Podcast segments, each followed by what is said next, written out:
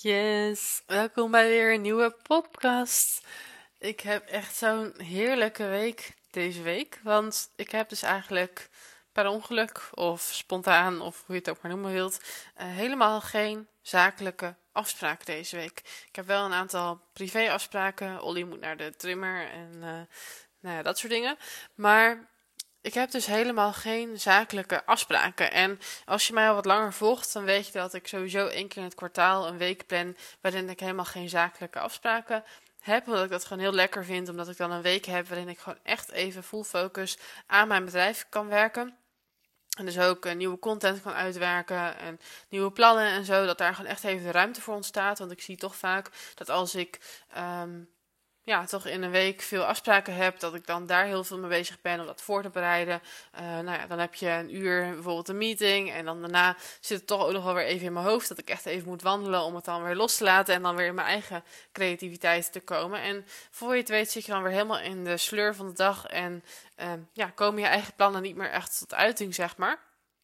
Of die zijn er wel, maar dan schuif ik ze toch snel weer wat vooruit voor het moment dat ik daar iets meer ruimte voor heb om erover na te denken. En in zo'n week gun ik mezelf gewoon echt de ruimte om dat dan te doen. Alleen nu voor dit kwartaal had ik nog geen week gepland, want normaal doe ik dat dan in de um, derde maand van het kwartaal, zeg maar. En uh, dan vaak een van de laatste weken. Alleen dat zou nu in september vallen en ik ben de eerste twee weken van september met vakantie.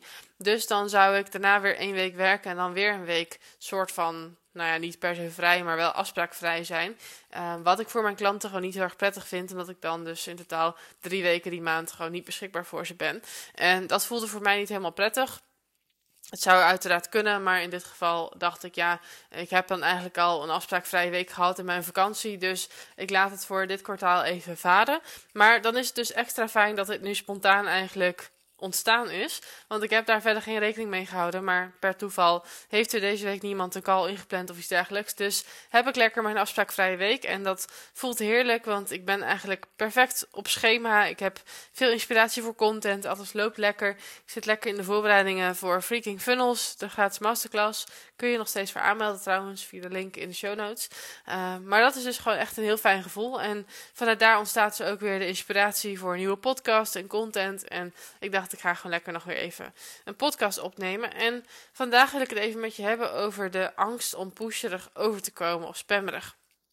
Want bijna iedereen die ik spreek over funnels heeft toch wel die vraag van hoe kun je nou voorkomen dat het pusherig of verkoperig of spammerig of wat voor term je er ook maar aan wilt hangen, hoe kun je dat gevoel voorkomen? En dat snap ik heel goed, want eigenlijk is ook hetgeen wat de meeste mensen geleerd hebben, is om in 10 dagen 10 mails te sturen. Dus dat is ook een beetje het beeld van funnels. Niet per se die 10 mails, maar dat is even een makkelijk voorbeeld.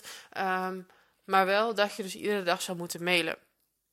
En dan moet je je bedenken dat het de meeste mensen nog niet eens lukt om één of twee keer per week consistent te mailen met nieuwsbrieven, met waardemails. Um, de meeste mensen doen dit slechts één keer per maand of soms nog minder. En moet je dan nagaan dat je dan in je funnel wel tien dagen achter elkaar tien mails zou moeten sturen. Dat voelt dan meteen super heftig, want jouw lijst is het überhaupt niet gewend. Nu is een funnel, zeker een weggeverfunnel, natuurlijk heel vaak de eerste kennismaking met jou. Dus die mensen zijn niet echt gewend aan jouw nieuwsbriefritme. Nu zou ik dat niet per se meer nieuwsbrief noemen, maar dan weet even iedereen wat ik daarmee bedoel is even een makkelijke term. Maar dat verschil is gewoon heel erg groot. Gewoon in je eigen hoofd voelt dat dan gewoon niet kloppend. Omdat jij uh, dat normaal gesproken via de nieuwsbrieven dan dus niet doet. En in je funnels ineens wel. Dat is gewoon niet, nou, dat matcht niet met elkaar. En dat zorgt er ook voor dat jij jezelf meteen heel spammerig voelt. Want voor de meeste mensen voelt één keer per week mailen al als veel. Terwijl dat in mijn ogen echt niet zo is. Ik mail zelf uh, eigenlijk altijd zeker twee keer per week.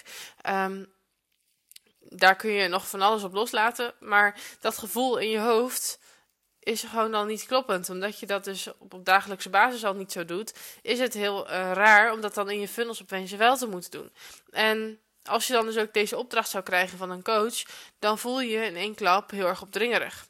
En nu kun je daar denk ik van alles over zeggen van hoe vaak je zou moeten mailen in een funnel. Ik denk wel dat het belangrijk is om in het begin gewoon echt even wel veel mails achter elkaar te sturen. Hoeft niet per se iedere dag te zijn, maar bijvoorbeeld wel om de twee, drie dagen.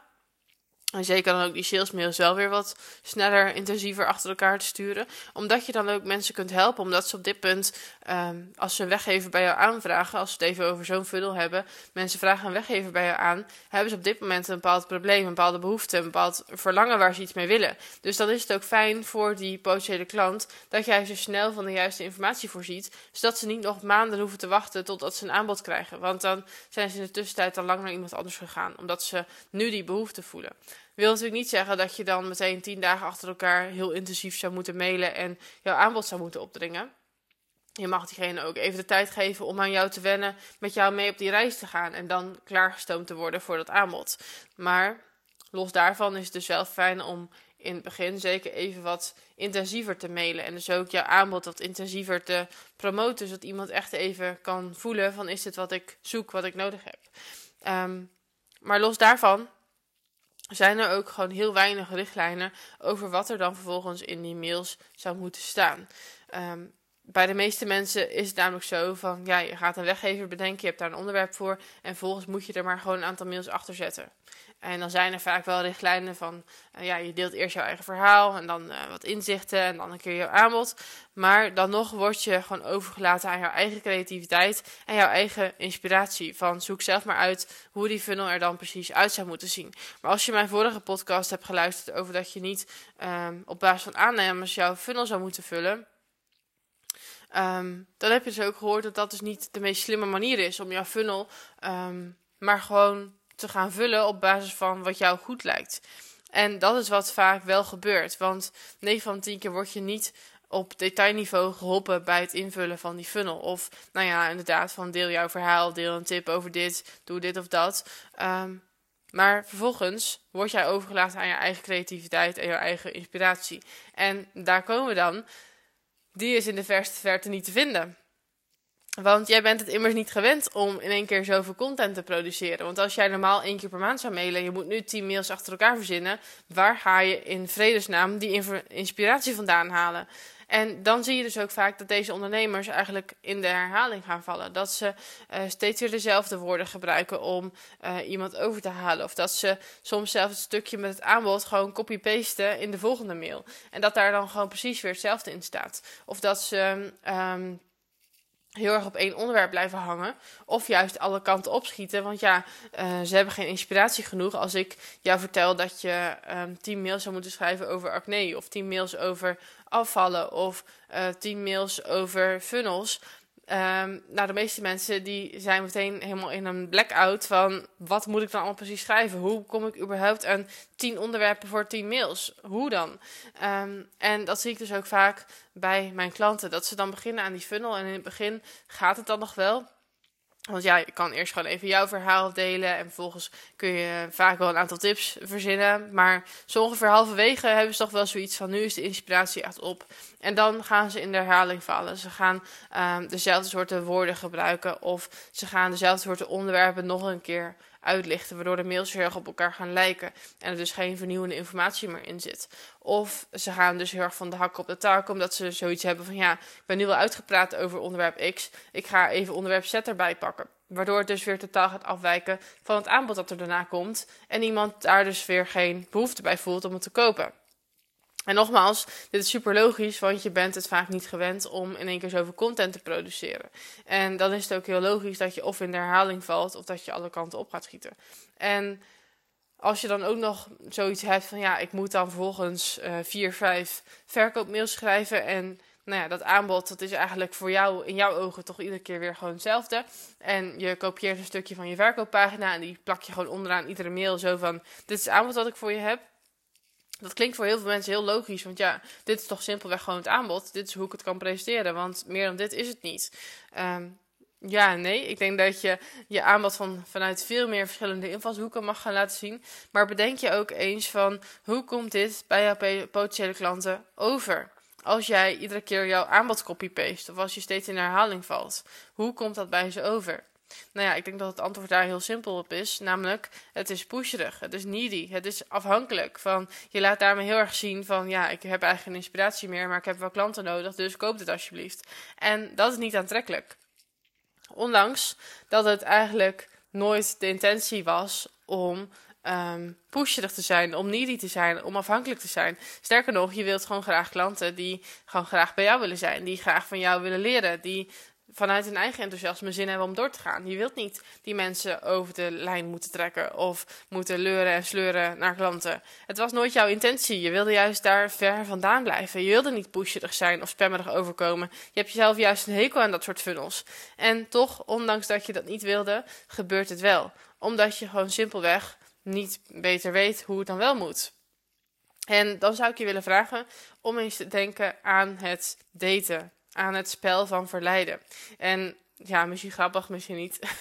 ik heb vroeger heel vaak op Google gezocht van hoe speel ik hard to get. Om ervoor te zorgen dat ik niet needy over zou komen, maar wel mijn interesse kon laten blijken. Maar vervolgens ook ja, toch die jongen een beetje naar mij toe kon trekken. Dat hij ook um, interesse ging tonen. Dat ik niet een soort van clingy uh, potentiële vriendin wilde zijn, maar gewoon iemand waarin je interesse hebt. Iemand die aantrekkelijk is. En iemand wordt natuurlijk niet enthousiast als jij steeds roept van kies mij, zie mij eens hier staan. Wil je met mij daten? Wil je met mij praten? Zullen we whatsappen? En dat je de hele tijd heel ja, afhankelijk van diegene bent. Maar iemand wordt wel nieuwsgierig naar jou als jij uh, steeds een beetje meer van jezelf laat zien. Als je verschillende kanten van jezelf laat zien. Als je interesse toont. Als je een gesprek kunt voeren. Als je... Um, ja, iemand nieuwsgierig maakt naar meer, maar niet meteen alles geeft. En daar ontstaat vaak het verlangen naar meer, naar jou, naar jouw aanbod. En dat is ook hoe je wat mij betreft funnels gewoon veel meer mag gaan insteken. Niet dat pusherige, spammerige van koop dit nu, maar veel meer van dit is wat ik voor je in petto heb. Dit is wat er voor je mogelijk is.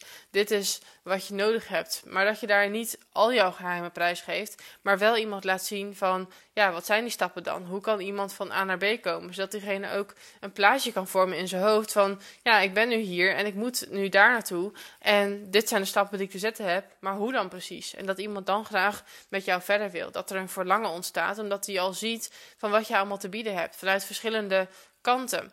Want het is niet eens per se zo dat je te veel kunt delen. En wel dat je te veel kunt delen dat iemand langere tijd verzadigd is, dat hij het weer langere tijd zelf gaat proberen.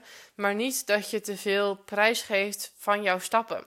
We zijn ook vaak nog wel geneigd zo van onder het mom van we mogen niet te veel delen of we mogen niet te veel tips geven of niet al onze geheime prijs geven, dat we het dan juist maar heel vaag gaan houden. Zo van ik kan jou helpen naar dit resultaat, maar hoe dan precies? Ja, dat ontdek je ergens achter de betaal. Uh, achter het betaalscherm. Maar dat is niet waar iemand op aangaat. Want iemand heeft al zoveel geprobeerd, heeft al zelf zoveel uh, gelezen, zoveel um, geïnvesteerd wellicht. En die wil nu gewoon weten waar hij in gaat investeren, of dat voor hem of haar iets is. Dus dan moet diegene wel ook weten waar jij voor staat, wat jouw werkwijze is. En niet per se van, ja, dit is mijn methode, dit is wat we gaan doen. Maar wel dat iemand kan lezen van, ja, dit is jouw leefstijl, dit is waar jij voor staat, dit is wat jij belangrijk vindt, dit is wat jij jouw klanten meegeeft. En dat is waar ik ook op aanga, dat is waar ik behoefte aan heb. En vanuit dat uh, stukje kan er ook dat verlangen ontstaan. Omdat je weet wat iemands werkwijze is. En dan niet per se van uh, ga eerst je veten strikken, trek je schoen aan en uh, dan kun je lopen. Maar wel van dit zijn de onderdelen waar ik mee werk. Dit is voor mij belangrijk. Deze methodes zijn voor mij belangrijk. Bijvoorbeeld dat ik tegen je zeg van ik werk graag met funnels. Als jij totaal niet van funnels houdt, moet je ook niet bij mij zijn. Ja, wellicht voor een ander soort programma. Maar um, je weet waar ik mee werk. En dat is wat iemand ook van jou wil weten. Niet eens per se van nou ja, hoe je dan dus moet leren fietsen of moet leren lopen, maar wel van hoe ga je dat mij dan leren zodat iemand op basis daarvan een verlangen kan krijgen. Zoals je dat dus ook ziet met daten. Ik heb mijn vriend leren kennen via een dating app. En dan kon ik ook eerst een aantal dingen over hem lezen. Van ja, hoe steekt hij ongeveer in elkaar? Wat zijn zijn interesses? Wat vindt hij leuk? Dat ik op basis daarvan ja, toch globaal kon bepalen van past zo iemand bij mij? En natuurlijk, er zijn weer allerlei redenen om te zeggen van je wilt iemand in het echt ontmoeten en niet via een app of uh, nou ja, dat soort dingen. Maar even heel praktisch, zo'n dating app laat je zien wat iemand in de basis interessant vindt. Zodat je op basis daarvan uh, gemeenschappelijke kenmerken kan ontdekken. En dat is ook waar jouw klant bij jou naar op zoek gaat. Dus daar mag je die funnels ook gaan, op gaan inrichten. Zodat het niet langer wordt van kies mij, want ik heb jou nodig. Maar dit is wat ik je te bieden heb. En als je mij interessant vindt, kom je naar mij toe. En dat is ook wat jij veel meer in die funnels mag gaan uitstralen. En wat dus ook gewoon kan. Het is niet eens per se dat als je tien dagen lang zou mailen, dat dat altijd spammerig of pusherig is. Het is vooral de toon die je vervolgens in die mails aanslaat en de inhoud die je die mails meegeeft. En als je daar nou nu, nu nog meer vragen over hebt, als je zoiets hebt van ja, klinkt leuk, maar hoe moet ik nou precies die mensen gaan verleiden, zodat ze zin hebben om meer van mij te weten te komen, om met mij aan de slag te gaan dan zou ik toch alsnog zeggen: doe dan alsjeblieft mee aan de masterclass Freaking Funnels. Ik ga hem nu eenmalig gratis geven. En dan gaan we dus ook hier veel dieper op in. Van hoe maak je nu zo'n waardevolle funnel dat iemand aan het eind zin heeft om met jou door te gaan. Zonder dat het dus spammerig of pusherig overkomt, maar gewoon puur vanuit: jij bent interessant, ik wil graag meer van je weten. Laten we dit samen gaan doen.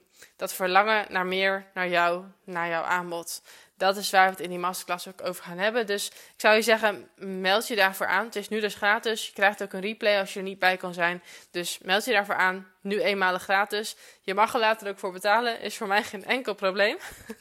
maar als je jezelf een plezier doet, meld je daar even voor aan. En dan zien we elkaar wellicht of live de 21ste.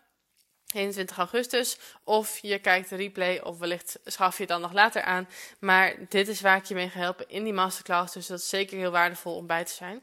En mocht je verder nog vragen hebben, weet je me te vinden via Instagram, milanebouwman.nl. En dan zou ik zeggen, nog een hele fijne dag en tot in de volgende podcast. En oh ja, nog een laatste dingetje. Als je deze podcast nu leuk vond, ik vind het super tof als je deze podcast gaat volgen of maar even een review kunt geven voor deze podcast. Of als je het even deelt op social media dat je deze podcast geluisterd hebt. Want ik wil heel graag het bereik van mijn podcast vergroten. En ik zou het super fijn vinden als jij me daarbij wilt helpen als je deze podcast leuk vindt om te luisteren. Dus alvast bedankt daarvoor en uh, tot snel.